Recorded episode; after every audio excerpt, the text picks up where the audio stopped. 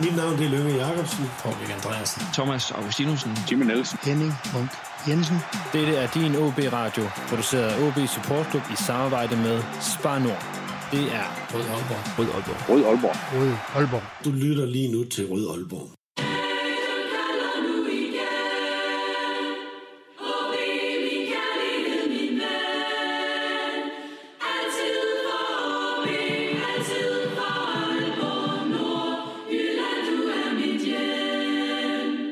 Velkommen til den udgave Rød Aalborg, en podcast om OB, produceret af OB Support Club i samarbejde med Spar Nord og alle jer, der støtter os på SIA.dk.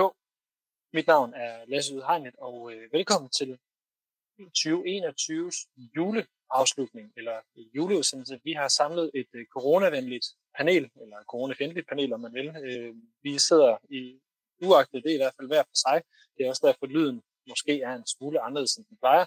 Men vi har et øh, fuldt panel i den forstand, at der er tre panelister med. Det øh, er Emil Kær Jørgensen hjemme fra, eller tilbage fra, fra Barsel. Er du det, Emil? Yes. Ægte tilbage fra Barsel stærkt, og så er det Mads Ågaard, tidligere formand for OB Support Club og mangeårigt medlem af OB Tifokast. Velkommen til dig, Mads. Mange tak. Og så er det øh, Mikkel B. Ottesen, tidligere og sportsredaktør på Nordiske Stiftstidende, som er gået ved ly hos sin far og hans sportvinsamling. Velkommen til dig, Mikkel. Tak, og jeg vil godt protestere over det med et fuldt panel, for jeg har kun fået to, så det passer ikke. vi, er, vi arbejder på det her i løbet af udsendelsen. Det er jo ikke en juleudsendelse for, øh, for sjov, kan man sige. Øhm, nu har der jo været øh, juleferie på mange måder i Superligaen de sidste tre uger, og Emil, hvis jeg nu starter med at, at spille den ned til dig, hvad har du tænkt om, øh, om OB de sidste, de sidste tre uger nu, hvor efteråret er gået lidt på held? Jeg tænkte øh, først og fremmest god timing i forhold til, at, øh, at, øh, at Superligaen lukkede lidt ned, før at, at landet lukkede ned, så vi er fri for at få de her kampe med spøgelseskampe uden tilskuere. Det kan vi så frygte, det kommer i foråret igen, men, men jeg synes egentlig, at det har været rart på en eller anden måde, at det har været afsluttet, så vi ikke ender i de der tilstande, som man ser i Premier League lige nu. Så på en eller anden måde er det rart, at ligesom har bundet en sløjfe, apropos jul, på, på, på sæsonen, eller hvad kan man sige, halvsæsonen. Øhm, og så, så har jeg bare gået sådan og tænkt lidt, at, at det er som om, man, altså, OB ligger jo godt øh, pointmæssigt, og, og det, det, det, kunne da være meget værre, som man, man, man siger i, i Nordjylland, men, men jeg er sådan, sgu ikke sådan helt tilfreds med, med tingene, synes jeg ikke sådan helt. Jeg synes, sådan, der er mange uforløste ting, og sådan, men det kan vi tage senere, men sådan spændt på, om øh, Lukas Andersen kommer tilbage, øh, hvordan han kommer tilbage, og om, om han overhovedet kan gøre en forskel i foråret, fordi det er jo det helt store spørgsmål, tænker jeg, i forhold til, at man kan gøre sig gældende i mere end top 6 øh, i forhold til, til resten af sæsonen. Mads, er du øh, lige så mismodig, som, øh, som Emil er? Ikke helt, tror jeg. Øh, jeg synes også, at afslutningen den var, den var meget blandet. Øh, jeg er skuffet over, at vi ikke kunne gøre mere ved FCK. Jeg har faktisk troet, at vi havde en, øh, en bedre mulighed i den kamp, så jeg vil sige, det var sådan, øh, det var lidt en flad fornemmelse at gå på, på vinterferie med den, øh, den præstation, vi havde der.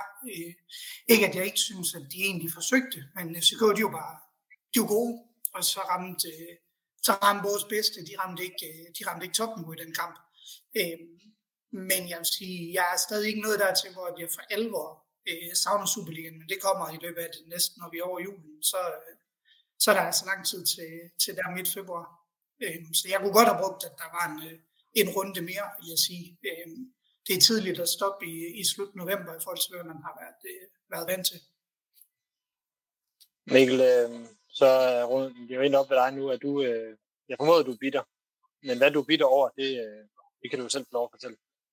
Nej, jeg vil ikke sige, at jeg er bitter. Jeg, er faktisk, jeg sidder faktisk efter den her halvsæson med en, en følelse af, at det var en halvsæson, som OB kan være super tilfredse med.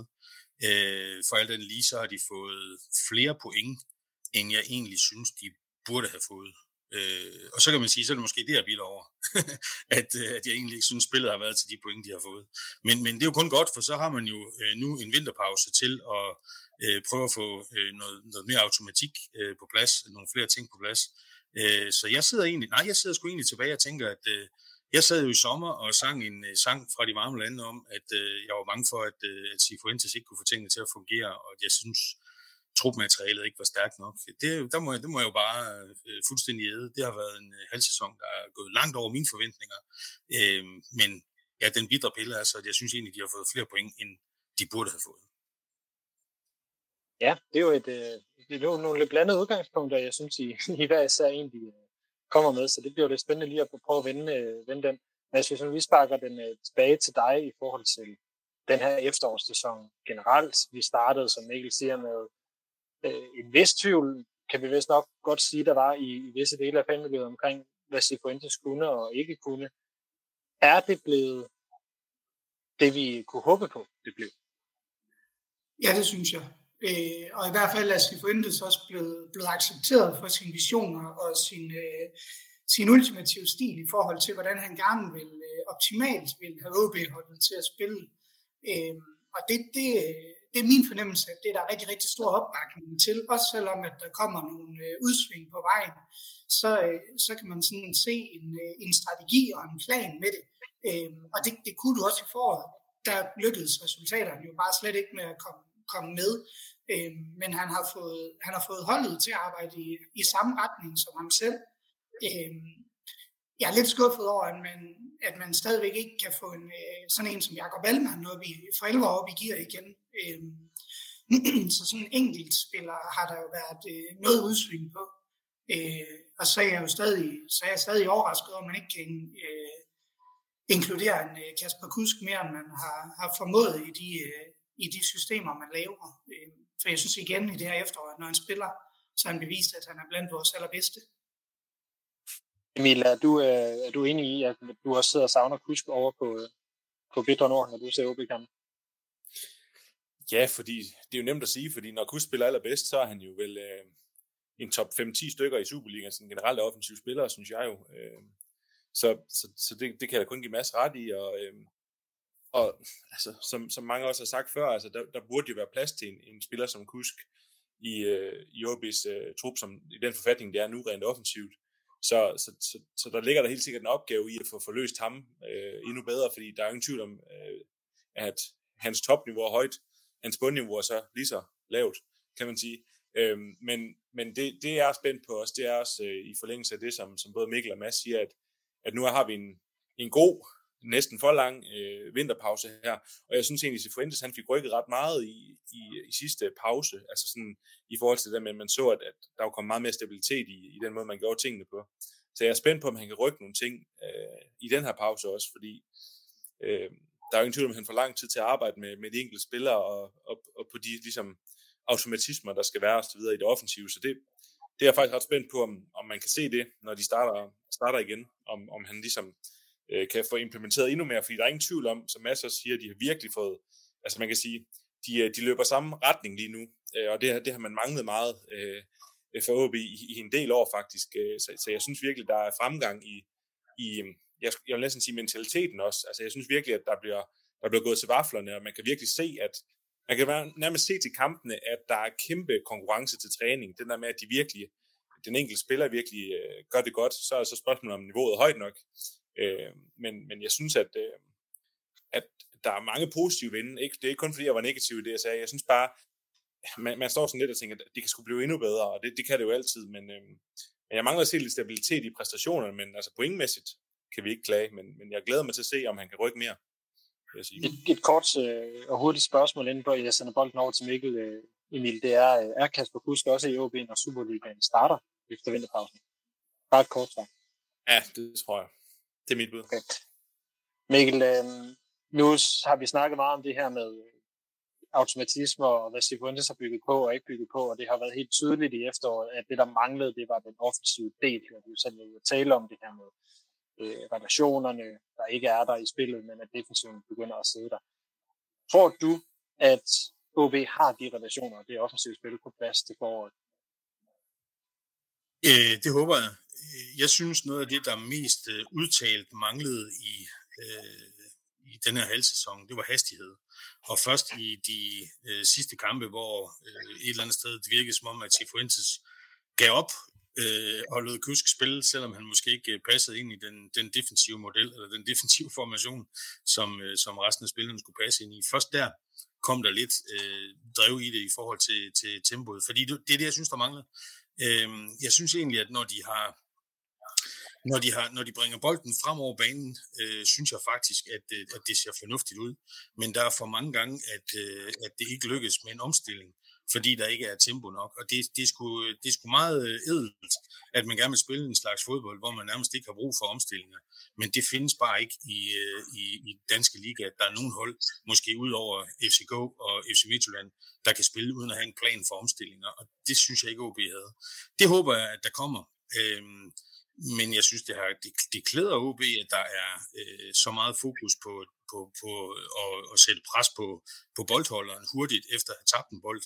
Øh, og jeg har følt mig underholdt, så det er vel det vigtigste. Når jeg sidder øh, på stadion og på Lynge Park på Kommunale, så har jeg følt mig underholdt langt de fleste kampe. Der har været et par svipser, jeg vil, men jeg har følt mig underholdt de fleste gange, og jeg har følt, at dem, der løb rundt dernede i de strider trøjer, de ville det samme som mig, nemlig at vinde.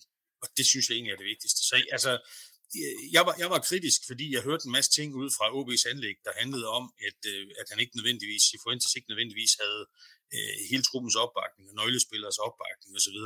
Men, øh, men jeg må også sige, at jeg, han har også sådan rent personlighedsmæssigt vundet på mig, jo mere jeg har hørt ham sige, og jo flere ting jeg har hørt ham forholde sig til. Og han har jo formentlig haft den samme effekt i organisationen internt og over for spillerne, og vundet deres tillid. Det ser sådan ud i hvert fald. Øh, og, og det er jo, en, det er jo en, en fremragende egenskab at have, at man kommer ind og prøve på at forholde sig stille og roligt til, hvad der er, der foregår, og hvad det er, man gerne vil, og så i øvrigt holder fast i en plan. Det kan jeg godt lide. Så ja. Bas, du, øh, du lige havde en hånd før. Ja, det havde jeg også. Det lidt i, i forlængelse af det, Mikkel siger. I foråret, der så vi ham jo også skifte utrolig meget ud, og skifte utrolig meget formation. Og øh, det var især i de første kampe. Og det er som om, på et tidspunkt i foråret, der virkede det som om, at man tog en snak om, hvad, hvad retning skal vi? Både fra spillertruppens side, og det var som Mikkel siger, der gik der også nogle rygter om, har han fuld opbakning i forhold til de tanker. Øh, og vi har set meget, meget mere kontinuitet i, øh, i efteråret, hvor han konsekvent har spillet med, med trebakkæde øh, bagved eksempelvis. Og det var vi jo slet, slet ikke konsekvente med i, i foråret, hvor vi skiftede mellem alle mulige formationer og spillere skiftede positioner. Og, og det, det tror jeg også har, har været med til, at, det, øh, relationerne er blevet langt bedre i, i det her efterår. Øh, jeg må sige, jeg er overrasket over, at vi, at vi på central midtbane ikke øh, egentlig har haft det så godt, som vi har med, med to rigtig dygtige, og så, øh, og så egentlig kun én egentlig backup, hvor så Fossum nogle gange er trukket tilbage som central midt. Øh, det har jeg lidt frygtet, at vi kunne blive, blive udfordret på. Øh, og da især nu, hvor Fossum begyndte at tage en del del karakterer øh, i løbet af efterårssæsonen. Hvis vi, øh, vi går, går, eller vi efterlader den her del af snakken her for, for nu, fordi vi sidder jo også en, en dag, hvor der er kommet lidt nyheder ud af klubben. Øh, der er nemlig blevet ansat en ny, skal lige se, hvad det var, de officielt kaldte det. Jeg synes, det var en lidt, lidt uh, spøjs uh, stillingsbetegnelse. Ham her, Niels Lavets, øh, overfra fra FCK, har fået i OB. Han er ny træner i OB som metodik- og trænerudviklings chef, og han har tidligere været eller hentet fra en stilling som U15-træner i FCK, som han har haft siden juni 2020, og så har han været U14-træner samtidig øh, før det, siden december 2018, og endnu før det syv år i DBU blandt andet som underviser. Øh, derudover så har vi jo heller ikke noget at kommentere endnu på, at øh, her i podcasten, at Søren Krog, han har sagt op som head of coaching øh, indtil videre fra sommeren 2022, men der går lå rygter, og vil sige, Søren Kåre var rimelig åben omkring det i medierne om, at det godt kunne være, at øh, han stoppede allerede til 1. januar. Jeg vil sige, Søren Kåre har jeg en aftale med, det er bare noget logistik, der ikke er faldet på plads omkring øh, hans tid i OB, så det kommer vi selvfølgelig til at sætte fokus på her i podcasten. Men hvorom alting er, øh, Emil, den her spændende stillingsbetegnelse, øh, som han har fået, øh, Lavets, øh, lugter det ikke øh, 100% af en erstatning af Søren Kåre i, i den ansættelse? Jo, og, og jeg mener jo også, øh, at man skal som eliteklub have, have sådan en Søren Krog, kan man sige, altså have sådan en, øh, en, en fodboldchef, eller hvad det hedder, ikke? Så, så han må jo gå ind og, og overtage den rolle. Og, og Søren Krog har jo også sagt, at han vil gerne vil, hvad kan man sige, være med i en overgangsperiode i forhold til at, at jeg kan forestille mig, at der var en del ting, man skulle sættes ind i, når man har øh, hvad hedder det, det overordnede ansvar for så mange, mange ting. Øh, men jeg beder da mærke i, at øh, altså, øh, jeg må indrømme, jeg kender ikke manden, men nu har jeg lige læst lidt op på det, og se, om man kunne få lidt reaktioner, og, og det er jo ikke, det er i hvert fald ikke et, et dårligt tegn, man kan sige, hvis man kan hente en, en mand øh, med den baggrund, og det, og det lyder som om, han har et, et, et forholdsvis øh, fint CV. Øh, og bider også mærke, at der er, nogle, der er en enkelt, der også har skrevet på, på Twitter, som selv er i, i KB's øh, ungdomsafdeling, øh, at det er et scoop for OB. Øh, og han har en lang karriere som talentudvikler bag sig, og øh, han har sat meget præg på både metode og trænerudvikling osv., og, og ham bliver I sindssygt glad for. Så det er jo dejligt at læse. Altså, det er jo, vi ved jo ikke, hvad det ender med i OB, men, men, øh, men sådan på papiret, så, så, så lyder det spændende, når, når nu Søren Krog, han, øh, han vil gå andre veje. Men var det ikke det samme, vi lidt hørte om Søren Krog i forhold til... Jo, jo, helt sikkert. Og, og jeg, øh, jeg, har ikke, jeg kender ikke Søren Krogs øh, tid i OB godt nok til at ligesom konkludere på, hvordan han har, han har præget tingene, men, øh, men, men som jeg kan forstå det, så savner han lidt græs under, under fødderne osv., ikke? Så, så det er jo en, det er jo en ærlig, ærlig mand, og det er jo godt, han ligesom rykker videre, hvis det er det, han ikke skal, og OB ligesom kan finde en anden, der kan sætte retning for, øh, for, for, for især talentafdelingen. Men, men altså, jeg, ja, det er sgu svært for mig lige at konkludere på noget på ham den nye endnu, men, men sådan på papiret, så, så er det i hvert fald ikke et ubeskrevet blad, og, og han har ligesom noget erfaring fra, fra nogle miljøer, som, som på sin vis er et trin op i forhold til OB øh, på, på det punkt. Mads, øh, mener du, at, at øh, OB's ungdomsafdeling trænger til øh, et løft efter de her år under Søren K. Det skal ikke øh, lyde som en kritik af Søren, men mere som et, øh, at øh, det måske ikke har været det rigtige valg, også i forhold til, at, at Søren stopper nu. Øh, det ved jeg ikke rigtigt, om, om man sådan kan sige. Altså, set ud fra resultaterne, så har de jo været udfordret på ungdomsafdelingen i OB. Øh, men jeg tror, at Søren har gjort et rigtig stort stykke arbejde i det, han er blevet ansat til. Øh, han er blevet ansat rigtig meget til at skulle føre øh, den nord, øh, nordsjællandske metodik ind i, øh, ind i OB's talentarbejde med en, øh, med en hel masse øh, med at få skrevet ting ned. Øh, fordi det er jo noget af det, man tidligere har hørt, der har været en udfordring, og OB vi faktisk har haft rigtig, rigtig mange gode ting, men i forhold til de her øh, vurderinger, der løbende laves af talent, øh, jamen der har OB simpelthen ikke været systematiske nok i øh, deres metodik og deres nedskrevne ting. Øh, og det var det, han blev ansat til. Øh, og jeg må ærligt om, jeg har ikke lige kigget på, hvordan har udviklingen været i forhold til de stjerner, OB har fået. Øh, men jeg tænker da, at, at han langt hen ad vejen jo er lykkedes med, med det, øh, det, han skulle. Øh, jeg har i hvert fald ikke, jeg har ikke hørt andet øh, omtalt.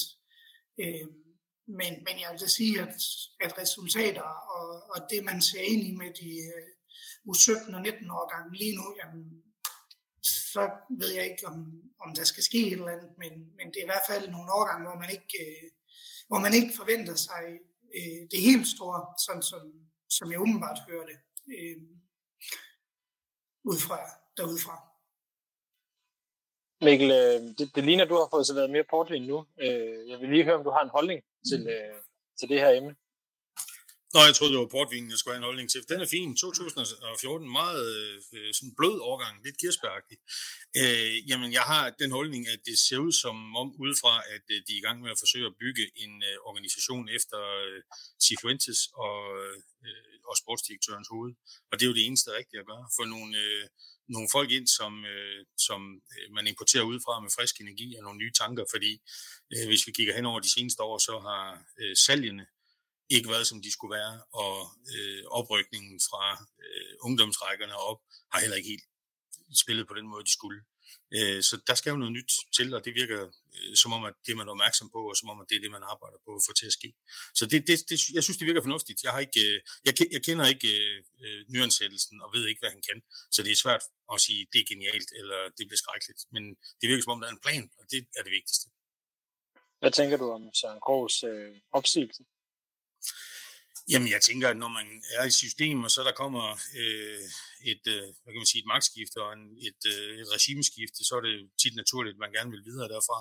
Øh, så, så det tænker jeg ikke andet om, end at øh, hvis man har haft en plads, og der har været en plan, og den plads og den plan bliver ændret, så er det jo måske meget logisk, at man skal videre og gøre noget andet. Så du tager, jeg skal lige høre, tænker du, at der er lavet en ny plan i øh, EOB omkring ungdomsarbejdet, mens øh, Søren Krog har været i klubben? Jeg tænker i hvert fald, at den, øh, jeg tænker i hvert fald, at den strategi, der øh, ser ud til at blive kørt nu, den er øh, anderledes end den strategi, der blev kørt før. Er I ikke enige med mig i det, at det ser ud som om, at efter øh, Sifuentes er kommet ind, og efter øh, Inge Andrea ligesom har fået, øh, fået under skrivebordet, at der er der måske nogle tanker, som går lidt mere i retning af at forsøge at hente nogle unge, dygtige spillere ind, der ikke nødvendigvis er ens egne produkter, og så færdigudvikle dem og skyde dem af frem for nødvendigvis at skulle have dem helt fra de 12 år gamle. Altså, sådan ser det ud for mig. Lad os nu markere først på det. Ja, men det ser også ud som om, man kigger bredere på øh, ungdomstrænere, der er, skiftet, der er blevet skiftet ud på øh, nærmest hver overgang, siden, øh, siden Inge André han er kommet til. Øh, nogle gange øh, er noget, men, men der er blevet hentet ind fra Vejle og fra altså, øh, en hel del bred i forhold til de øh, både U19 og U17, og det synes jeg da også indikerer, at man tænker nogle tanker om, øh, hvad, skal der, hvad skal der foregå.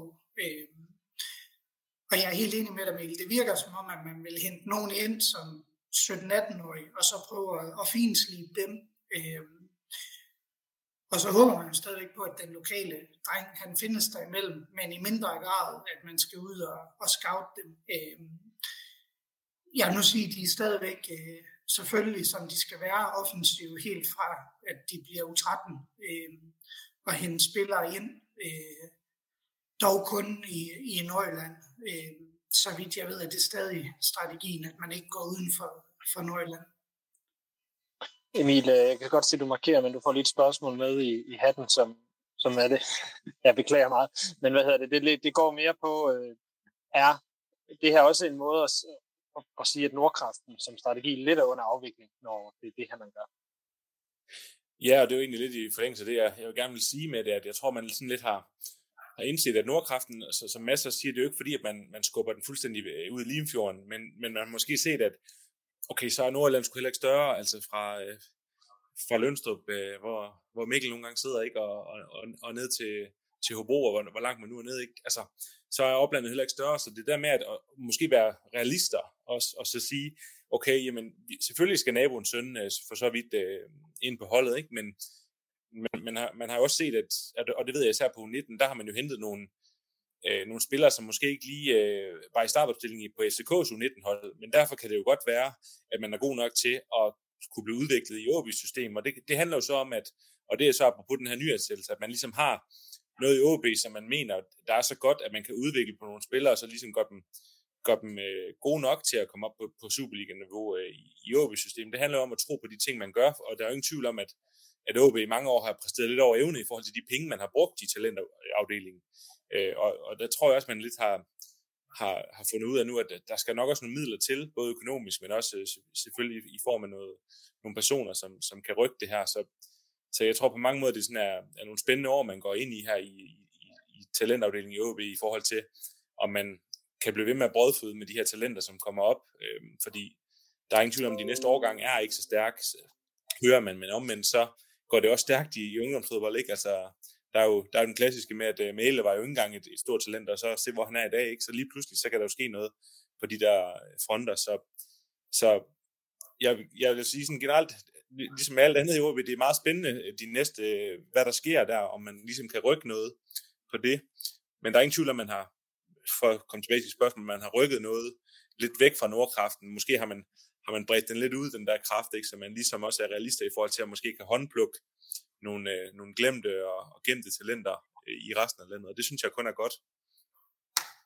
Jeg synes, det, det synes du kun er godt, at man går ja, og, lidt væk. Jamen, altså, selvfølgelig skal det ikke være 90 øh, procent, øh, man henter væk fra, men altså, du, vi kan se en type som, som Ementa der, den, Øh, altså, det kæmpe skur, der er nærmest to hoveder højere end mig, ikke? Øh, som, øh, som kom ind. Altså det der med at, at få nogen ind, som, som ligesom har nogle spidskompetencer, som man ikke har i forvejen i, i, i, i den enkelte øh, ungdomsårgang. Ligesom sige, hvor, hvor kan vi hente noget ind? Øh, så det synes jeg kun er, er godt, og jeg tror også, det er sundt for, for hele træningskulturen. Man ligesom også ikke kun har øh, den lokale knæk fra, fra Støving eller Pandrup, eller hvor nu man er fra, som er kommet i OB, siden han var øh, ni år gammel, ikke? at man ligesom også får, får en ung rapper fra Helsingør ind, øh, som, øh, som ligesom øh, kan rykke nogle ting også sådan på, på, på det kulturelle. Mikkel, du, øh, du, øh, Mads, du markerer, så du, øh, du får lige ordet, før jeg smider den op til Mikkel igen så. Jamen, jeg tænker også, at der ligger meget i den her trænerudviklingschef i forhold til hans rolle, at man ligesom inkluderer det i navnet.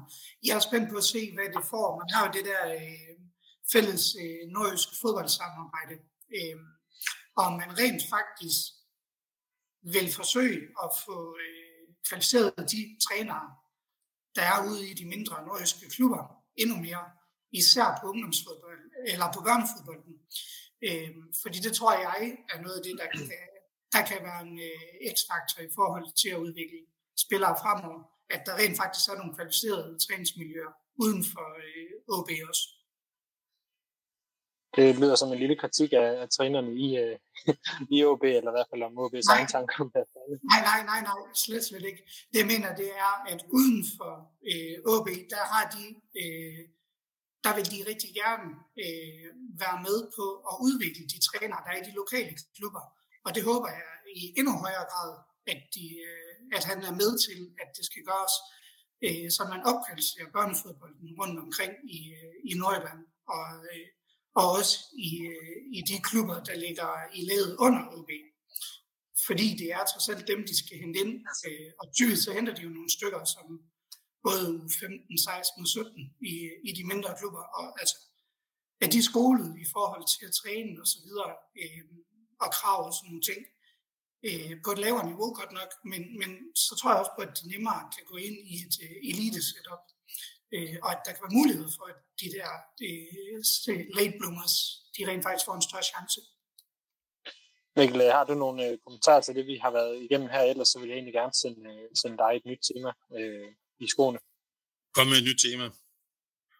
Yes, fordi det er jo et... Øh, altså nu har nu talt om, om Søren Krog, der har sagt op ude i OB, og han er jo ikke den eneste, der har sagt op øh, derude. Nu kan vi ikke tale om spillet på banen, så kan vi tale om spillet på administrationsgangen. Der er øh, flere forskellige øh, i organisationen, der, der også har, har bladet, eller bladet OB her ved, ved årsskiftet. Den ene det er Lars Thomsen, den anden det er Martin Stigård Skammelsen, som har øh, siddet som øh, oplevelses blandt andet. Øh, Mikkel, når, når man ser, øh, ikke at det skal være sådan en, et øh, tre mand, der forsvinder fra, fra hver deres område, men øh, hvad, hvad, hvad ser det ud udefra, når, når tre mænd øh, stopper? Vel at mærke, at der kan sagtens være tre øh, individuelle årsager, hvad der formentlig også er. Ja, altså man kan sige, hvis de var blevet øh, smidt ud på røv og albuer, øh, for at man kørte nogle nye ind, der havde nogle andre tanker, så var der jo en, øh, en, en logisk forklaring og en, en logisk retning i det. Øh, jeg, ved, jeg, jeg, jeg kender simpelthen ikke nok til det interne i administrationen og i det sådan udadvendte i OB til at jeg kan sige, om det er fordi, man vil noget andet, og at de her folk ikke har den rigtige profil, eller om det er bare fordi, de her folk har tænkt, jeg skal også noget nyt med mit liv, efter at have været her i, i nogle år. Men det er da markant, at, øh, at der bliver skiftet så meget ud på alle hylder rundt omkring. Øh, det er jo sikkert godt på nogle felter, og skidt på andre felter, forstået på den måde, at når man får ny energi ind og får nogle ting ind udefra, øh, så får man øh, øh, nye retninger, nye strømninger. Men omvendt, så skal man også bare passe på, at den der kulturbærende del af OB ikke øh, fuldstændig øh, forsvinder eller, eller bliver fjernet. Øh, og jeg vil sige, øh, ærligt talt, jeg forholder mig allermest til det, der foregår på banen, når Superliga-holdet spiller. Øh, mindre til, hvad der foregår i kulisserne, og hvem der skriver pressemeddelelserne, eller, øh, eller flytter kejler til en øh, børnetræning. Øh, alene, alene af den årsag, at det er det, hvor jeg kan se, hvad det er, der er resultatet, eller hvad resultatet af ændringerne er. Øh, så jeg har, jeg har sgu svært ved at sige noget dybt og, og, og voldsomt interessant om, om lige præcis de der ændringer. Øh, men, men ja, vi, vi, vi ser et OB, der i hvert fald er under en form for forandring. Det, det er så meget, vi har godt være med til at stå på mål for. det, var et, det var et minimum, kan man sige. Øh, Emil, er du, uh, er du enig i, øh, i Vikkels betragtninger, at det er det på banen, vi, vi reelt kan sige noget om? Ja, man kan sige, det, det er jo der, vi, øh, vi kan se mest af, og det er jo der, man kan sige, det er jo der øh, slutproduktet, det hele, det ligesom skal kulminere, så det er jo også der, vi, vi kan drage konklusionen og sidde og være de bidre mænd, der ligesom snakker om, om tingene bagefter, ikke? Men, men, øh, men, men altså, der sker jo meget lige nu øh, i OB, og, og jeg tror det også, som, som jeg tror, det var Mikkel også sagde det der med, at, at Cifuentes og Inge Andreas og så videre, de har ligesom udstikket nogle retninger, og det man er jo ligesom nødt til at følge, for ligesom at, hvad kan man sige, gå all in. Og hvis der er nogen, der ikke kan se sig i det, eller om det er noget andet, det, det ved vi jo ikke, det kan vi jo kun spekulere om, så skal man jo øh, være en flue på væggen inde, øh, inde, inde på, på, på samtlige møder og så videre, ikke? i forhold til, hvad der sker, men, men, men på en eller anden måde, så, så, så tror jeg sgu også, det kan være sundt nok med, med, med nogle nye, øh, retninger inden for, hvad det så end er, ikke? Øh, men, men, men, men en, en mand som, som Martin der, som har været i klubben i, ja, det ved jeg sgu ikke, 15 år eller sådan noget, hvad han, hvad han har været, ikke? Der er der ingen tvivl om, det kan mærkes, men, men nogle gange så er det jo også godt at få, få, få ligesom, rørt op i tingene, uden jeg ved, om det bliver bedre, det der kommer ind, det aner vi jo ikke, men, øh, men det er i hvert fald spændende, hvad der sker, men, øh, men vi kan jo kun gisne om, øh, hvorfor det sker. Mm. Godt, så lad os uh, tage et lidt, uh, lidt blødere emne, uh, inden vi, uh, vi, vi går videre til, uh, til ligesom at kigge på hele året for, for OB. Jeg går ud fra, at de også uh, opdagede, at uh, Lars Høgh desværre uh, gik bort her for, for nogle uger siden. Det fyldte jo rigtig, rigtig meget i uh, Medie Danmark og i fodbold Danmark i, i særdeleshed. Og jeg ved ikke, hvordan I har haft det, men jeg har sådan gået og tænkt på, uh, vi har jo ikke sådan en, en figur eller, eller Lars Høgh i OB, og ikke fordi, at vi skal finde klubbens øh, Lars Høgh nød, nødvendigvis, men jeg vil virkelig tænke på, hvem er det, der vil komme tæt på? Hvor er det, vi, vi vil have en figur som? Øh, Mørke Jacobsen. Ja, men det, nu, nu kom, tog du det hele på, på forkant, Mads, men det, øh, er I andre enige i, at uh, der er en lynge og ikke, ja, og ikke andre? Der er, der er en, og så er der alle de andre. Altså, han har jo fået kuldstatus. Øh, han, han havde kuldstatus, mens han var fungerende. Øh, og det var jo imponerende nok i sig selv, ikke? Øh, der, er, der er jo ingen tvivl om, at, at den mand, han, øh, han har betydet meget for og, og, og fans og øh, jeg skulle sige, journalister, medier, øh, øh, sponsorer. Altså, det er, jo, det er jo på alle punkter, at den mand øh, er en legende, og det, det kan man jo også se, at, han, at, at medierne jo stadig vil bruge ham også øh, i, i mange henseender og så videre. Ikke? Så, og den dag, han, øh, han lige pludselig er væk, ikke, så, så, så bliver der også, øh, det hedder jo glændesår, men næsten ikke i, i Aalborg og Nordjylland, så jeg, jeg kan ikke se, hvem der kan komme op på, på siden af ham. Der bliver rystet på hovedet fra Mikkels side, så han drikker videre. Nej, Mads, du jamen, jamen, jamen, der er sgu ikke andre. Øh, det ironiske er, at OB har jo ikke rigtig gjort noget for, at Lars Hø er blevet den der kæmpe kultfigur. Det er bare fordi Lars Hø, han var Lars Hø. Øh, altså, jeg har aldrig holdt med OB, og manden har spillet så få landskampe, at jeg synes at ikke i virkeligheden burde have nogen relation til ham overhovedet. Men jeg elskede Lars Høgh. Jeg var vild med Lars Høgh på alle mulige måder. Jeg var sgu også ked af, at han blev syg, og ked af, at han øh, ikke er her længere, og kan sagtens sætte mig ind i hele den reaktion, der har været i fanmiljøet rundt omkring, fordi han var sgu en særlig, en særlig person. Det kræver nok en særlig person at blive en kultfigur, uden at der sådan bliver gjort noget for det. Jeg, jeg kunne godt, øh, hvis man skal skabe de der øh, fortidens helte, så synes jeg godt, man må skrive lidt til, øh, til England, hvor mange af klubberne er rigtig dygtige til at tage nogle af deres tidligere spillere, og ikke kun gøre dem til ambassadører i et eller andet nyhedsbrev en gang imellem, eller på et sponsormøde en gang imellem, men også øh, simpelthen trække dem ind i den daglige drift af klubben. Ikke fordi de skal bestemme noget, men fordi de får lov til at forholde sig til, hvad der foregår på klubbens officielle kanaler osv. osv. Det synes jeg ikke, OB gør nok, og man har altså nogle spændende øh, folk. Synes du ikke, de gør det nok? Skal jeg lige høre. Hvad siger du? Du synes simpelthen ikke, at OB gør det nok? Nej, jeg synes ikke, at man, at man, øh, at man får skabt de der øh, fortidens helte, at man trækker dem nok ind i, i, i hvad der foregår i dag. Det synes jeg ikke, man gør. Jeg skal lige være helt sikker, så du kan godt tænke dig at se Ip Simonsen noget oftere øh, på OB-TV. Jamen, jeg, jeg ved ikke, om det skal være på OB-TV, eller det skal være på stadion i forbindelse med nogle ting. Altså, jeg mener, ham cirkusdirektøren nede på sidelinjen, han kan vel godt få en pause en gang imellem, når der skal afvikles et eller andet, og så kan I lave det i stedet for, eller hvad ved jeg? Altså, et live-interview. Måske noget cirkusdirektøren. Det tror jeg, det, det tror jeg sgu ikke, Ip han gider, hvis jeg skal være helt ærlig. Nå, men, vi, har alle sammen været, vi har alle sammen været i Circus Somarum, altså nu det føles som om, man er det igen. ja. Godt. Øh, jeg ved simpelthen ikke, hvor vi, vi skal komme ind. Mads, du, øh, du markerede med, med noget, så det tænker jeg, vi skal gå tilbage til. Ja, men det er jo for lige at, at, at vende tilbage til det, at vi synes, der er lidt unikt, det er, at, at Lønge har jo allerede fået en plads på stadion øh, i Aalborg. Øh, og det, det er jo noget af det, hvor jeg tænker, nu som Mikkel siger, at vi skal hylde dem, der rent faktisk har været der også mens de stadigvæk er her. Øh, og det, det synes jeg jo, at på vores egen øh, nordjyske stille fasong, der gør vi det jo øh, hver gang vi spiller, ved at øh, folk, der går ind over på øh, Bidre Nord, jamen de får lov til at hilse på ham, fordi han hænger øh, så flot der i indgangen. Plus at øh, at han også har et, øh, han har et stort flag nede på øh, Vesttribunen, som, øh, som ofte også fejrer det. Altså, så han lever stadigvæk i, øh, i fansens, altså virkelig, det ved jeg, han gør, men det bliver også udtrykt. Øh, og der, det synes jeg jo er vores, øh, allerede, at vi, vi på den måde hylder ham, fordi han er en, øh, han er en kæmpe personlighed. Øh, og på mange måder, det man også hører om, øh, om Lars Høgh, jeg kendte ham jo ikke af gode grunde, men, men det man hører om ham, det er jo noget, vi også kan relatere til, hvordan Lynge han opfører sig, øh, når du møder ham, øh, og hvor omgængelig han er jeg vil øh, lige ligesom som slutning på, på den her, fordi at jeg har også kommet også selv frem til, at det var Lønge, der nok var, var vores øh, bedste bud på, øh, på en figur eller, eller Lars Høgh. Men jeg læste en helt fantastisk anekdote på, øh, også på Twitter øh, i forbindelse med øh, Lars Høghs sportgang, som handlede om OB, der var skrevet af en OB-fan, så den vil, vil jeg lige, øh, lige genfortælle den. Og tusind tak til dig, der skrev den ind derinde. Jeg kan desværre ikke huske, hvem det var, men hvis du hører det her, så er du nok ikke i tvivl om, at det, det var dig. Det er en øh, kamp tilbage i måske første Superliga, så 1991, hvor OB er hjemme bagud 3-0 mod OB. Og øh, nede i den ene ende bag af stadion, der øh, har OB jo så brændt et, et, et skud, og bolden er ud på tilskuerpladserne. Og folk vil simpelthen ikke give Lars bolden. Og så går han jo ud på sin stille, rolige, fynske måde og siger, vi må hellere kaste den tilbage i bagud jo. Og så øh, OB og bagud 3-0 og ender med at vinde 5-4. Øh, så folk fik jo travlt med at kaste den tilbage til ham, og det er jo sådan et, synes jeg, et fantastisk billede på, på det der overskud, og og netop den der, som vi også øh, er glade for med Lynge, den der totalt lokale dialekt og, og måde at, at være på, hvor man tager det hele med et, øh, med et stort smil. Øhm, hvis vi hopper videre, så kunne jeg godt tænke mig lige at forvente nogle af de rygter, der har været omkring OB her i løbet af december. Jeg tænker, at vi kan tage dem lidt, øh, lidt kort måske. Øh, så øh, Mikkel, hvis du nu starter, du, der har været et rygte omkring Mathis Fuentes som erstatning for Jon David Thomasson i Malmø FF. Øh, hvor mange, øh, eller hvor sandsynligt er det, tænker du?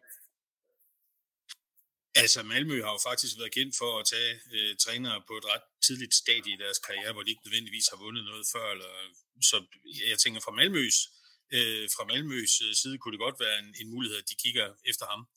Øh, jeg tror ikke, Malmø er øh, et, et, et langt nok skridt op ad stigen til, at Sifuentes så hurtigt vil opgive projektet i OB.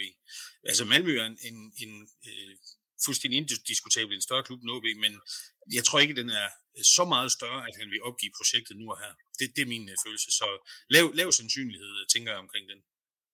Men du blev ikke overrasket over, at øh, over rygtet opstod?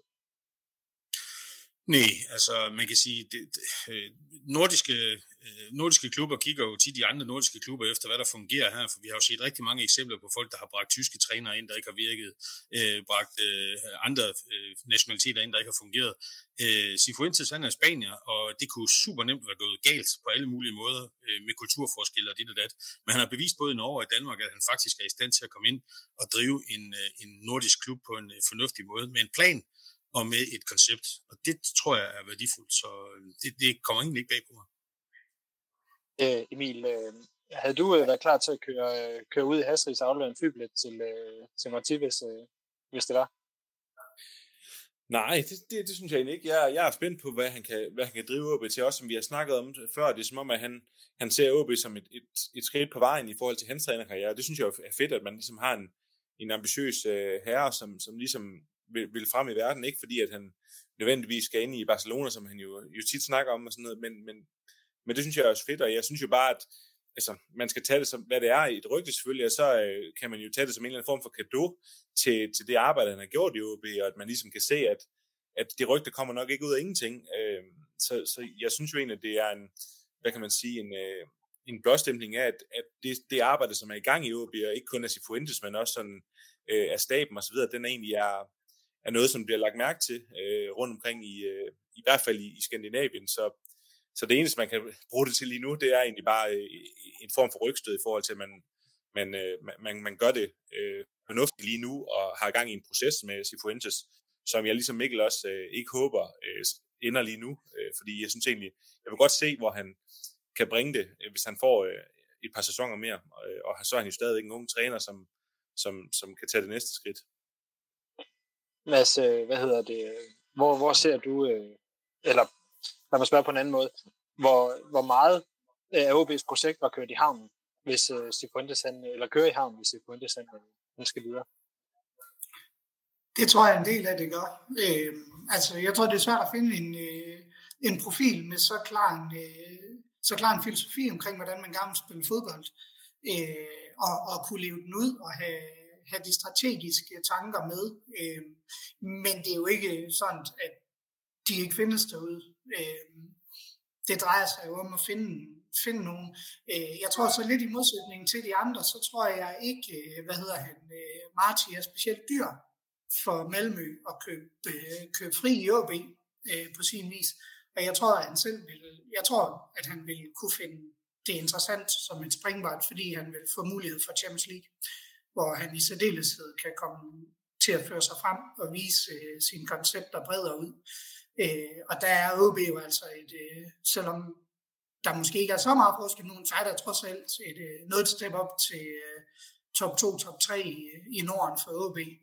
Øh, så jeg, jeg tror, at hans øh, karriereudvikling i betragtning, så tror jeg ikke, han lader sådan en, øh, en mulighed på nuværende tidspunkt gå væk, øh, fordi så store træner øh, steder har han trods alt heller ikke været øh, før OB.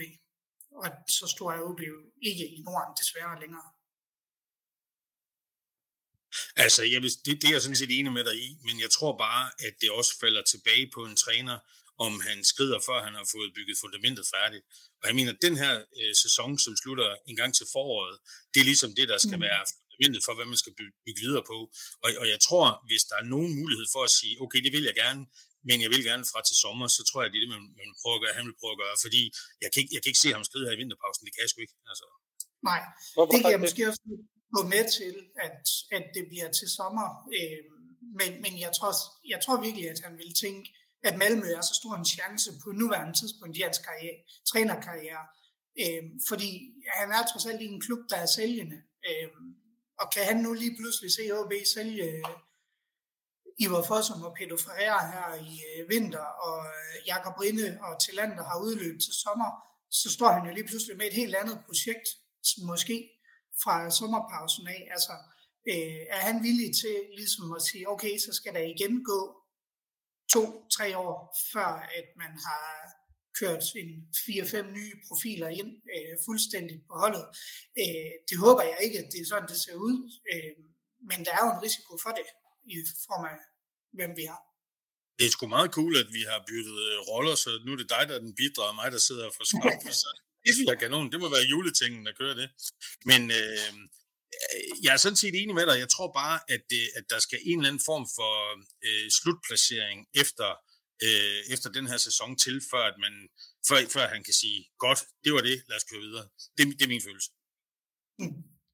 Emil, du, øh, du sidder og morder over øh, diskussionen.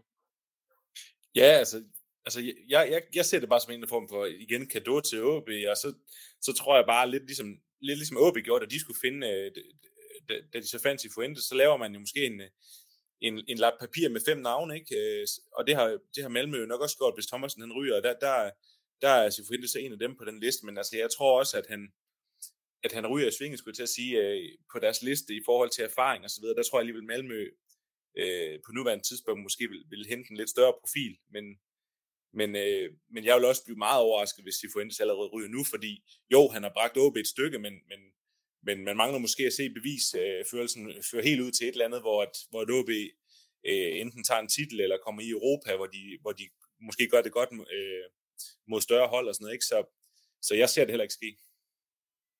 Så lad os, øh, lad os, no, lad os, vil du sige noget? Jamen, jeg vil bare sige, det kan jeg jo egentlig godt følge, følge de andre i, øh, fordi han har jo ikke, i og for sig har han jo ikke bevist noget i OB endnu på den måde, fordi der netop ikke er kommet et slutprodukt på det, og forårssæsonen var øh, så tilpas dårlig, at den vil han jo helst ikke refereres på. Øh, så, men, men jeg tror bare, at kommer Malmø og banker på hans dør, så tror jeg, han har svært ved at afvise det.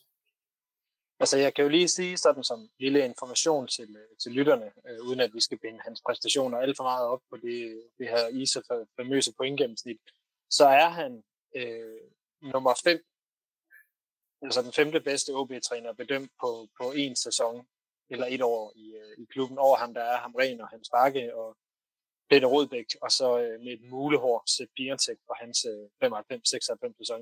Mikkel, øh, du kan huske, øh, du kan huske Biertek. Hvor, hvor godt et år var det, hvis vi lige ser bort fra det der Champions League, der foregik øh, samtidig med? Jeg skal lige unmute mig selv, før jeg kan sige noget.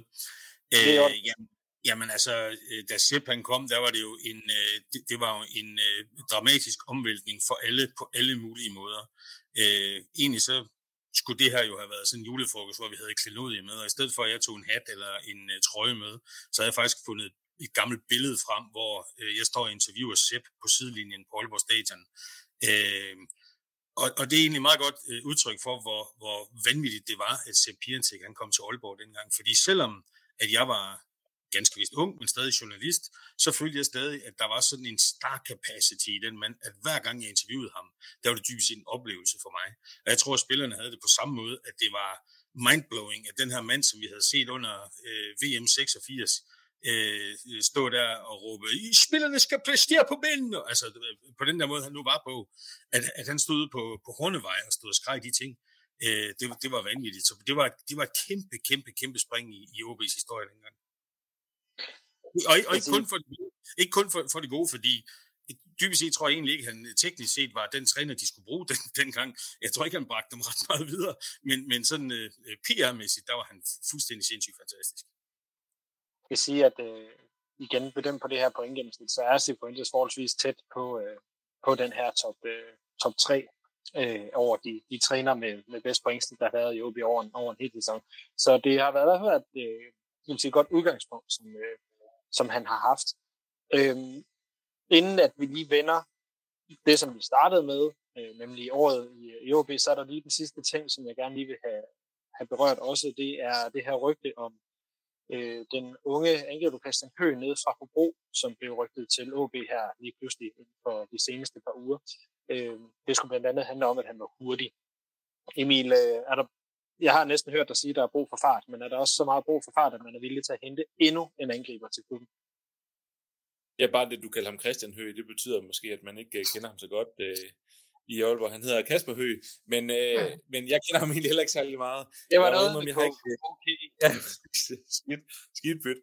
Øhm, altså, jeg, jeg må indrømme, jeg har sgu ikke set så mange Hobros kampe, øh, siden de kom ned i, i første division, så nok. Der er, ikke, der er ikke nok timer i døgnet, men, men øh, altså, det giver vel god nok mening, og hvis man henter en, som er, er for god til Hobro, øh, og henter ham ind, og han har jo tidligere øh, talent, var det Randers, øh, han kommer mm. fra, mener jeg ikke. Øhm, men altså, han, jeg, jeg kender ham overhovedet ikke, så jeg kan ikke rigtig sige, at han er pissegod, men, men altså, man kunne måske klandre op for at sige, det er uambitiøst at hente en, er det, er det en spiller fra Hobro, der skal gå ind og tage, tage kampen op mod, øh, mod Makari til Pritja? Øhm, det, det, ved jeg ikke, altså det kan sagtens være, at man har set et eller andet i ham, og det kan være, øh, at OB's analytikere har, har, har trukket nogle stats på ham, som viser ham her, han, øh, det går kun en vej, og det er op, og så skal man selvfølgelig slå til, fordi jeg tænker ikke, at at en spiller fra Hobro, lige meget om han så har scoret 15 eller, eller 18 mål, han er sådan specielt dyr i, i Åbjørg med det. Jeg, jeg tænker godt, man kan, man kan købe rimelig billigt og rimelig risikofrit i forhold til, hvis nu han ikke skulle blive en succes. Så, så på sin vis er det jo fint nok, hvis man, men måske også en vink med en vognstand til Pritja om, at øh, hold nu kæft, han var god i de træningskampe, vi så i, i starten, hvor han kom til klubben, men det har sagt også været mere skidt en kanal siden. Øh, så så, så, så det, for mig at se, er det også et, øh, en måde at sige på, at, at hvad kan man sige, alternativen til Margaret er ikke særlig gode.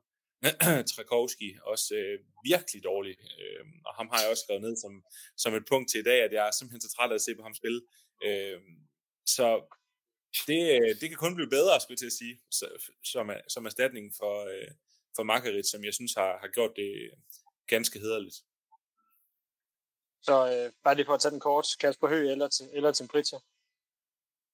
Jamen altså, som, hvis, hvis jeg glemmer øh, forelskelsen i, at en Pritja kunne blive ny topscorer i OB, og at han gjorde det så godt, da han kom, og øh, Skandinaviens største angrebstalent, som vil til OB frem for Malmø, så hellere Kasper Høgh, fordi hold kæft, mand, altså, altså Bidre Nord bliver til super bitter Nord, når Pritja han prøver at lave en aktion. Hold kæft, jeg synes godt nok, det er, det er vanvittigt dårligt niveau. Altså, jeg, jeg vil så gerne elske ham, og det gør jeg også stadigvæk på en eller anden måde, men jeg synes godt nok, han er dårlig. Altså, det må jeg sige. Øhm, men han, han sparker jo stadig som en hest, og jeg, jeg, er ikke, øh, jeg har ikke givet op endnu, men man håber næsten, at han bliver udlejet for lige at få noget selvtillid på kontoen eller et eller andet. Fordi, ja, jeg siger Kasper Høgh. Okay, Mikkel, øh, det ligner, at du har fundet Fanny Branke en vi snart begynder at tale om Pritja. Nej, ikke, nej, overhovedet ikke. Jeg har faktisk gået ud for at finde et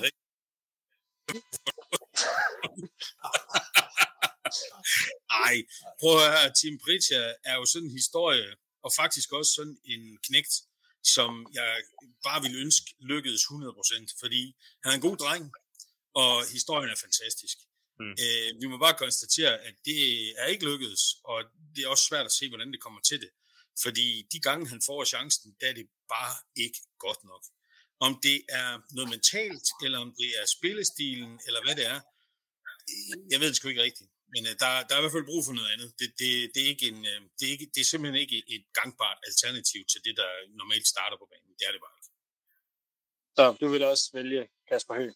Beklager Kasper Høgh, hvis du hører den her udsendelse, jeg kalder det Christian. Men... øh. Jeg, jeg, vil, jeg, vil, jeg vil vælge dig, Lasse.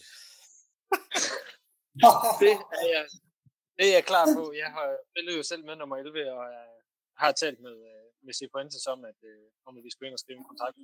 Så det, det spiller. Du sidder og ryster på hovedet, Mads. Du synes, vi er for hårde, eller hvad? Nej, nej, det synes jeg egentlig ikke. Øh, jeg er meget på linje med jer i forhold til, i forhold til prispræstationer. Det skulle mere øh, udsigten til at skulle have, have Lasse som uh, sende forward, så vil jeg da hellere smide Emil på banen. Der er trods alt noget højt. Jeg lover dig, du vil se, du vil se meget, meget ihærdig indsats i, i de 5-10 minutter, jeg formentlig har luft til. Men det vil jeg sige, bare, tænker bare, at hvis vi smider Emil på banen, så er der nogen, der vil tænke, det kan måske lykkes det der. Hvis vi smider Lasse på banen, så vil folk tænke, oh my god. Så det kan kun blive positiv overraskelse. Altså. ja. men jeg synes, øh, for så at blive en lille smule seriøs igen, så synes jeg, at det er en smule ud og øh, virker.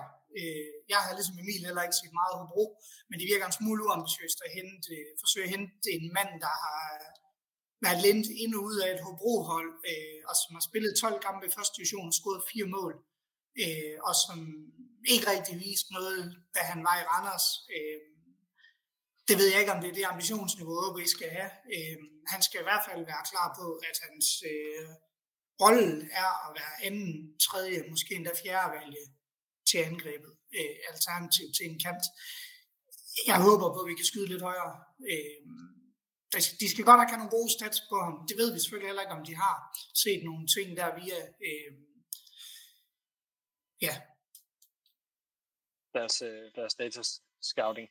Øh, Emil, var det en hånd, eller var det baghoved, der klæder? Ja, jamen, det var også bare for at sige, at, og det er jo det er så nemt bare at sidde her og sige, at, at, at det er for og det har jeg så også lige selv sagt mm. jo, men, men det er jo bare den der klassiske med, at vi kan se Patrick Olsen, når man henter ham øh, i anden division, øh, Ferreira hentes i en, øh, anden liga i Portugal, hvor man også tænker, hvad fanden laver de ikke? Og så, så, så kan det faktisk blive rigtig godt. Det kan også blive noget værd lort, øh, men det er bare for at sige, at har de set noget, som vi ikke har set ved ham? Øh, fordi det er jo ikke, fordi hans stats bonger fuldstændig ud med, med, med mål øh, i Kasper Høgh, men, men har de set et eller andet, så synes jeg jo, det er en rimelig kalkuleret risiko at hente ja. en spiller i Hobro, som nok ikke skal have 300.000 om måneden i løn, øh, hvis han lige pludselig kan et eller andet, som bare er tilnærmelsesvis bedre end en Pritja. Og så apropos Pritja vil jeg bare lige sige, det er jo ikke fordi, han ikke yder en indsats, når han kommer ind. Jeg tror nærmest problemet er, at han vil for meget, når han kommer ind. Og det ser man jo mm. også i hans øh, gule og røde kort og hans øh, sådan, øh, lidt bissede stil, når han kommer ind. Ikke? Altså, han, han er nærmest for, for ihærdig, og han vil så gerne lykkes.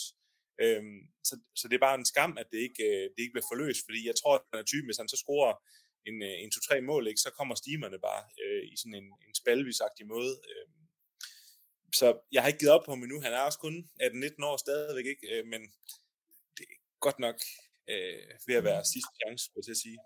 Jeg, til sige, jeg håber også, som du sagde, Emil, jeg tror, det er dig, der nævnte, at, øh, at han får en udlejning. Altså, øh, måske noget bund, øh, bund Superligaen, eller svensk, øh, hvad hedder det, allsvenskan, øh, et eller andet derovre. Altså, så han kan få noget, noget fast spilletid. Og få, Malmø. Øh, få, der kommer han nok alligevel ikke, øh, der kommer han nok alligevel ikke på hold. Det vil overraske lidt, øh, hvis han gik direkte ind derover. Men, men at han får noget seniorfodbold øh, på bryst, altså under, sådan at han, han vender sig til det. Øh, fordi det tror, jeg, det tror jeg, han har brug for. Øh, og jeg kan ikke se på nuværende tidspunkt, at han øh, kontinuerligt vil være i startopstillingen i OB. Øh, der, øh, der er Margaret stadigvæk foran ham, og og der bliver jo også en Lukas Andersen, som man før har brugt som falsk nier, Kasper Kusk. Øh, jeg tror, at øh, han vil få for lidt spilletid i, i OB foråret til at, at kunne udvikle sig. Og der kan, der kan man godt tænke Kasper Høgh som værende øh, et alternativ også øh, måske på, øh, på kort sigt, mens, øh, mens Pritja er væk øh, på en leje. Øh, fordi jeg tror, det er det, han har brug for, at få, øh, få spilletid hver weekend, øh, hvor, han, øh, hvor han får noget håb på brystet. Så lad os øh, lukke snakken om øh, Christian Slags Kasper Høgh og, øh, og Tim Pritja og angrebet øh, her. Inden vi, øh, vi går til, øh, til det sidste punkt, jeg har på, på min dagsorden, så vil jeg lige sige tusind tak til alle jer, der støtter os på, øh, partier.dk. Vi er nået op på 63 støtter her i den forgangne uge. Det synes jeg personligt er rigtig, rigtig flot, øh, at vi er nået op på inden for det, det her år, det nu har kørt. Øh, sådan så betragtning af, at øh, jeg og resten af podcasten ikke rigtig har gjort så meget for at øh, blæse op om det, udover at nævne det et, par enkelte gange her i podcasten, som et enkelt øh, sungeefslag. Så altså, tusind, tusind tak til jer, der, der støtter. Der kommer også et nyhedsbrev ud til jer her inden, øh, inden jul, eller i hvert fald senest til nytår, afhængig af, hvor, hvor travlt jeg lige får her de, øh, de næste par dage. Så tusind tak til jer, der støtter. Det øh, sætter jeg og forhåbentlig også de andre i podcasten her rigtig, rigtig øh, stor pris på. Øhm, lad os så tage det, som jeg har tænkt var det sidste, vi lige skulle vende, og det er jo øh, et lidt mere overfladisk øh, tilbageblik på, øh, på året. Øh, Mikkel, har du lyst til at, at, at starte med øh, sådan et, et forhoften højdepunkt for, øh, for dit OB-år? Højdepunktet for mit OB-år har nok været at sidde på Bidre Nord og se, hvordan Vesttribunen den er vokset helt op i skyerne. Det har været så fedt. Det har simpelthen været så fantastisk at se, hvordan øh, øh, den der stemningsskabende tribune, den har løftet sig til helt nye højder i løbet af den sidste halvsæson. Det, det, er, det er nok det, jeg egentlig vil tænke tilbage på, når jeg tænker på den her halvsæson. Det er, at, at jeg er virkelig blevet opmærksom på, hvor meget det også betyder for min øh, oplevelse af at komme på, på kommunale, at den der vesttribune, den fungerer, og det gør den bare. Det, så det bliver mit højdepunkt. Emil, øh, har du et, øh, et højdepunkt, du vil, øh, vil fremhæve? Jamen, i klassisk uh, podcast-format, så har Mikkel selvfølgelig stjålet det, som jeg faktisk havde, havde tænkt sådan over, hvis jeg synes skulle sige et eller andet. Og, så kan jeg så i forlængelse af det sige, at nu er jeg jo en af dem, der ikke uh, tager med på udebaneture uh, for, for husfredens skyld og så videre, ikke? Men, men bare, i, bare i tv, når, når jeg tænder for surround sounden, så, så kan man, altså, der er jo nærmest ikke et stadion i, i, i Danmark på nær Brøndby FCK, hvor OB ikke er på hjemmebane, øh, når man, er på, når man også hører det i tv så kan man sidde og høre på de samme sange, som man sidder øh, ude på stadion og hører. Det er jo fantastisk. Øhm, det, altså det, det har løftet sig helt enormt, og det kan vi jo kun øh, give kæmpe kado til dem, der, der står og skråler og hæse mænd tirsdag og onsdag, når de har stået der. Øhm, det har været helt, helt fantastisk. Og så for at sige noget andet også, så, øh, så, så synes jeg jo bare, at det, er, det har været fedt at se øh, en, en, en type som Højholdt, øh, hans udvikling. Øh, hvis man sådan skal, skal tage spillet på banen, så er det bare fedt at se sådan en, en mand med så lækkert garn øh, spille den type fodbold, han, han spiller ind på den midtbane og gør det så ubesværet.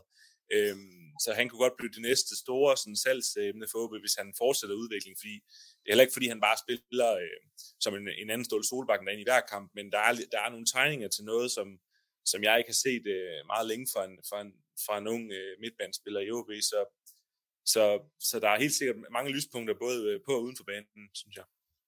Må jeg, må jeg lige øh, tilføje i samme tråd, at øh, for mig, fordi der er masser af spillere, der har gjort det fremragende, der er også nogen, der har skuffet lidt.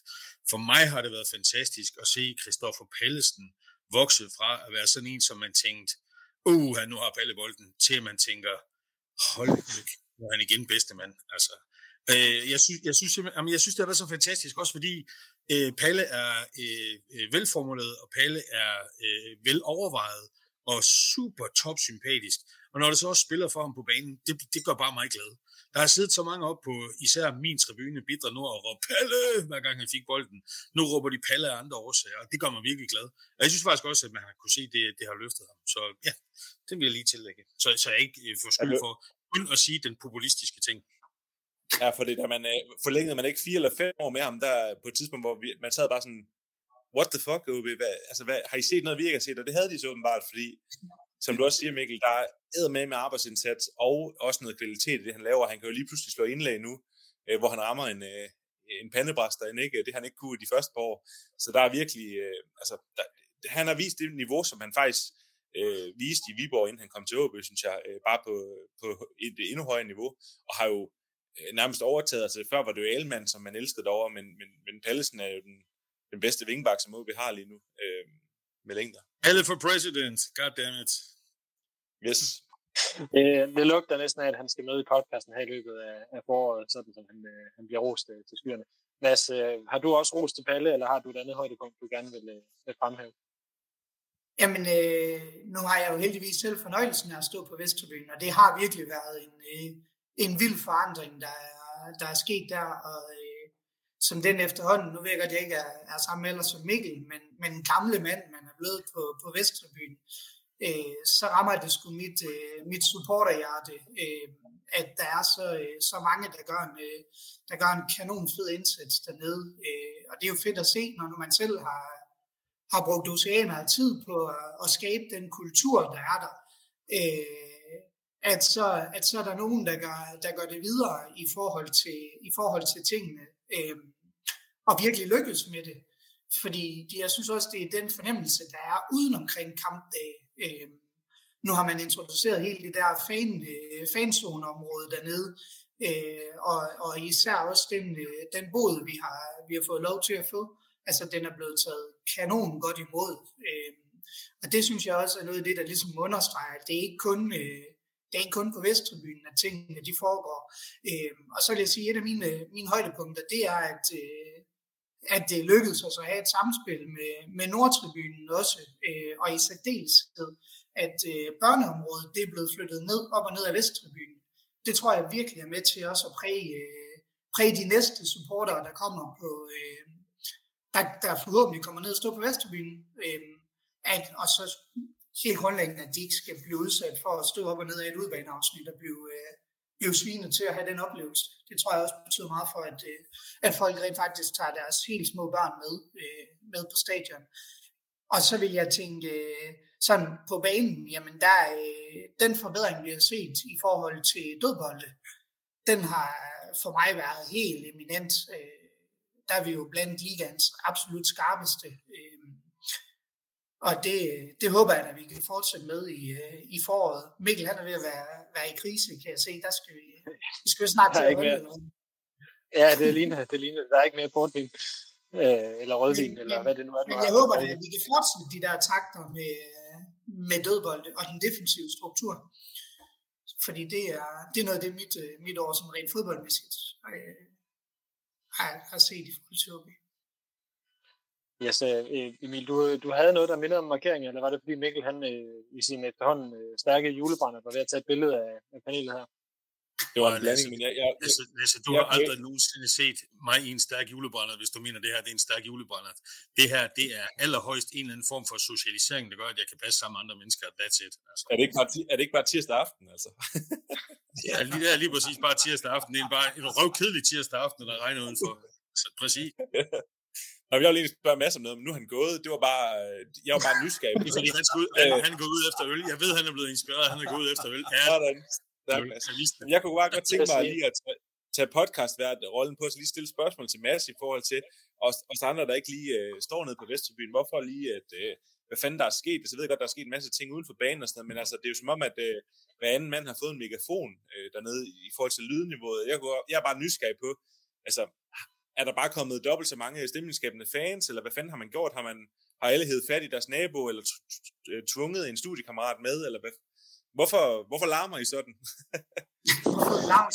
jeg tror, øh, jeg tror dels, at der er, der er sket en rigtig, rigtig god udvikling i forhold til, nu er der kommet øh, nogle nye bidrag med sangen, men når man har været god til at inddrage øh, menigmand og også nogle yngre kræfter, end der tidligere har været, øh, plus at de to kaboer, der er dernede, de, øh, de har jo skulle vende sig til at være, være kæber, de får alvor brændt igennem her i efteråret, og, øh, og har virkelig, virkelig gjort en eminent indsats. Øhm, men så vil jeg sige, at sådan en som, øh, så er der også nogle kræfter rundt omkring i hele det der Vesttribyen, øh, hvad hedder det, menageri, der, der virkelig har gjort, øh, gjort en indsats for, at øh, man også er tydelig på, øh, på sociale medier og øh, væk fra kampdagen, øh, men også øh, i særdeleshed, at vi er tydelige øh, uden for stadion. Og det tror jeg har, har rigtig meget med det at gøre. Øh, ja.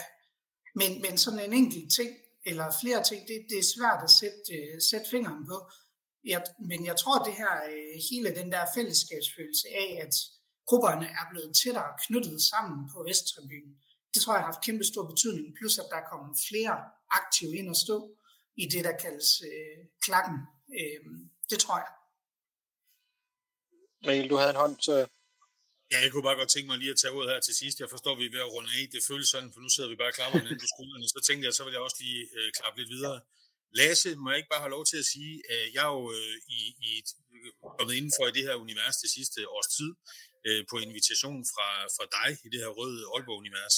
Og det har været en super fornøjelse, fordi du altid er øh, for det første velforberedt, velformuleret og venlig, og altid har, øh, øh hvad kan man sige, en holdfuld gode emner klar, også selvom du ikke er velforberedt, som du ikke var i dag. Det bliver stadigvæk godt, uanset hvad.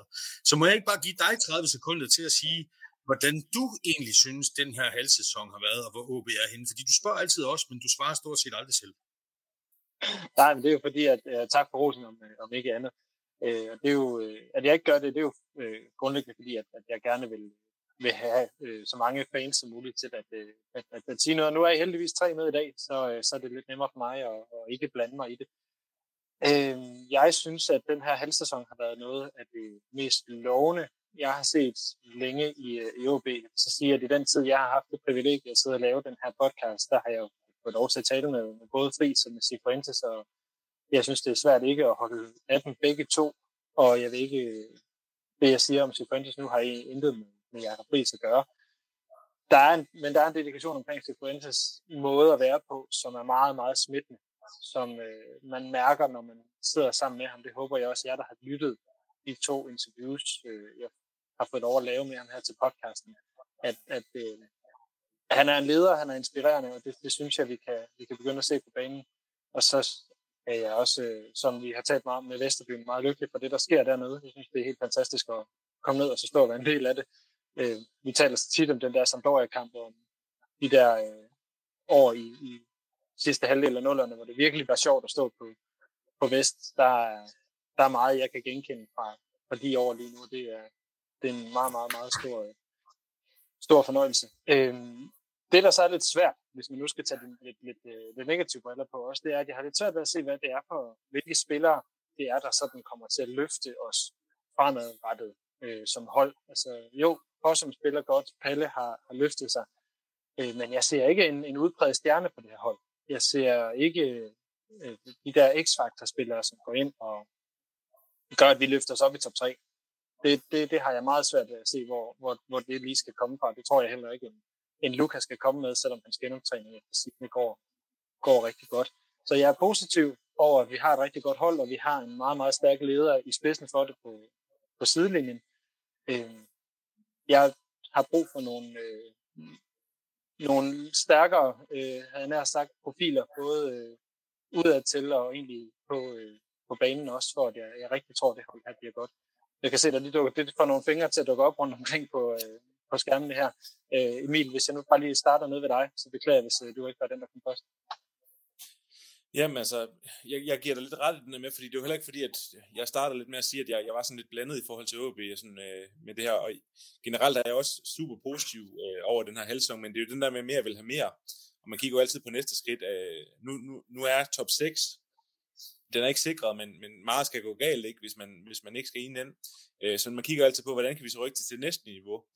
Og, øh, og jeg, jeg, jeg er lidt, lidt i forlængelse af det, du siger, Lasse, så, så føler jeg lidt, at, at vi skal have en sportschef, som, som, som, som henter nogle lotskuponger, som lykkedes, øh, hvis jeg skal sige det sådan lidt mildt, ikke, i, i det her vindue, hvis det er. Fordi, øh, altså, for eksempel, som vi nævnte med Trakowski, jeg ved godt, han kun er lejet, men altså, det var godt nok, det har været fuldstændig håbløst med ham, ikke? Øhm, så, så, så det kræver også, øh, at, at jeg synes, at man skal hente noget ind, øh, for at det ligesom, i hvert fald hvis man har ambition om at tage det til næste niveau. Men, men, men, men så vil jeg så også sige, at det er godt, at du siger, at vi ikke skal forvente for meget af Lukas Andersen, men, men det gør vi så alligevel. Øh, og jeg er bare spændt på at se, hvad, hvad forfatning han kommer tilbage i, om, om han har mistet noget, øh, både fart og, og timing og så videre, eller om, eller om han kommer tilbage af den profil, som vi selvfølgelig håber på. Øh, ja, det var egentlig bare det. Mads, øh, så vil jeg smide den over til dig. Det ligner også du handler om. Ja, øh, det havde jeg sådan set. Hvad hedder det? Jeg, jeg er meget enig med dig, fordi jeg tror, noget af det, jeg er lidt overrasket over, det er sådan en som Hannesbo, havde jeg store forventninger til. Øh, og det, han er jo glædet rigtig, rigtig langt ud. Hvad er det, vi skal se som de næste talenter, der kommer frem? Øh, det, er, det er jeg meget spændt på. Øh, så er jeg spændt på, om en øh, mand som Rufo, om han overhovedet, øh, hvad han kommer til at kan bidrage med i et forår. Øh, han har jo kontraktudløb til sommer, øh, og han skal, da, han skal da vise noget i forsæsonen, for at, at han ligesom får en, øh, tror jeg, får en forlængelse. Øh, så, så der, er, en, der er nogle spillere, som, som, man, som man er meget spændt på. Hvad, hvad kommer der til at ske med dem? Jeg er spændt på en, øh, jeg synes, at Anders Halskær er gået, gået rigtig fint ind på holdet. Kan man få ham op på et niveau, hvor han er, hvor han er starter, som vi har en venstrebenet blandt de tre bagerste? Øh, det håber jeg virkelig, fordi det synes jeg giver noget til vores spil, at øh, han er jo rigtig, rigtig dygtig med bolden. Øh, ja, det er sådan nogle ting. Hvad gør man i forhold til den centrale midtbane? Er man tilfreds med, med Magnus som, øh, som backup, eller skal der ske noget der? Øh, det, er også, øh, det er jeg også spændt på. Øh, så der er sådan en række, en række ting, hvor, hvor der stadigvæk er, er stort udviklingspotentiale i forhold til, i forhold til OB. Øh, og, så, øh, og så tænker jeg, at nu siger Emil, at det, det er ret sikkert i forhold til, at vi skal i top, øh, hvad hedder det, top 6. Det tror jeg også på, det er. Men AGF har umiddelbart, som jeg husker det, et, øh, et nemmere kampprogram end, øh, end os. Nu er jeg lige ved at prøve at se, om jeg kunne finde det frem. Så jeg tror ikke, der er ikke noget, der er givet på forhånd. Vi skal ud og være, være klar fra start af. Øh, vi har Midtjylland i, øh, i første kamp, og vi har Brøndby i den sidste. Det er, det er to meget svære kampe af de der øh, fem kampe, vi skal spille til, til foråret. Jeg kan lige sige, mens vi sidder og taler her på politiet.dk, så er der kommet øh, endnu en tilmelding øh, midt i det hele. Så det er jo dejligt, at det, øh, at det fortsætter her øh, lige op til jul. Øh, Mikkel, har du, øh, har du meldt dig ud, eller har du mere at tilføje her i, øh, i, i, i slutfasen? Ikke andet end, at jeg bare vil sige, at jeg tror, at vi går imod en øh, halvsæson, som bliver virkelig, virkelig spændende at følge, fordi øh, vi står med et udgangspunkt, der er langt, langt bedre, end jeg havde forventet. Øh, og spørgsmålet er, hvad der sker over de næste måneder. Hvem forsvinder? Kommer der nogen ind? Uh, det, det bliver øh, spændende at se. Og så øh, håber jeg bare, at uh, den der stemningsskabende Vesttribune, den fortsætter med at vokse. Samtidig med, at jeg håber på, at spillerne de giver den samme øh, gejst, som de har givet i den forgangne halvsæson, så kan navnene på ryggen i virkeligheden for min skyld være rimelig ligegyldige. Så øh, vil jeg lige dog fremhæve et af de navne, der står på ryggen af nogle af spillerne, fordi vi har jo haft en afstemning kørende her i december måned omkring, hvem der skulle være efterårets spiller i OB, og der har været rigtig mange af jer at stemme, og der var lidt forskellige muligheder. Det var Malte Højhold, det var Jakob Rinde, det var Talenter, og så var det Ivar Fossum. Og det er med øh, 35 procent af stemmerne blev Ivar Fossum, der er blevet kåret til efterårets spiller, eller efterårets spiller, han er ikke i flertal, selvom han er mange steder på en gang. Øhm, det er Ivar Fossum, der er efterårets spiller i OB, kåret her af Rød Aalborgs lytter, så tusind tak til jer, der har været med til at stemme på det, og tillykke til Iver med øh, den fornemme titel, som det er første gang, den bliver uddelt. Det, øh, den kommer forhåbentlig til at øh, fortsætte, ligesom podcasten her jo selvfølgelig også gør efter nytår. Øhm, jeg vil sige tusind tak til øh, dagens julepanel, øh, Emil Per Jørgensen, Mads Ågaard og øh, Mikkel B. Ottesen, for at de øh, var med og for forholdsvis god ro og orden. Øh, når du ikke lavede orden, Mikkel, så havde du trods alt blivet det selv Det var positivt. Øh, og så vil jeg sige tusind tak til jer, der har lyttet med derude. Det her det er Rød Aalborg, en podcast om OB, produceret af OB Support Club i samarbejde med Spar Nord, og alle jer nu 64, der støtter os på tier.dk. Tusind tak for, at I gør det. Tusind tak for, at I lytter. Ha' en rigtig god jul og et rigtig godt nytår. Så lyttes vi vi ved igen næste år. Tak.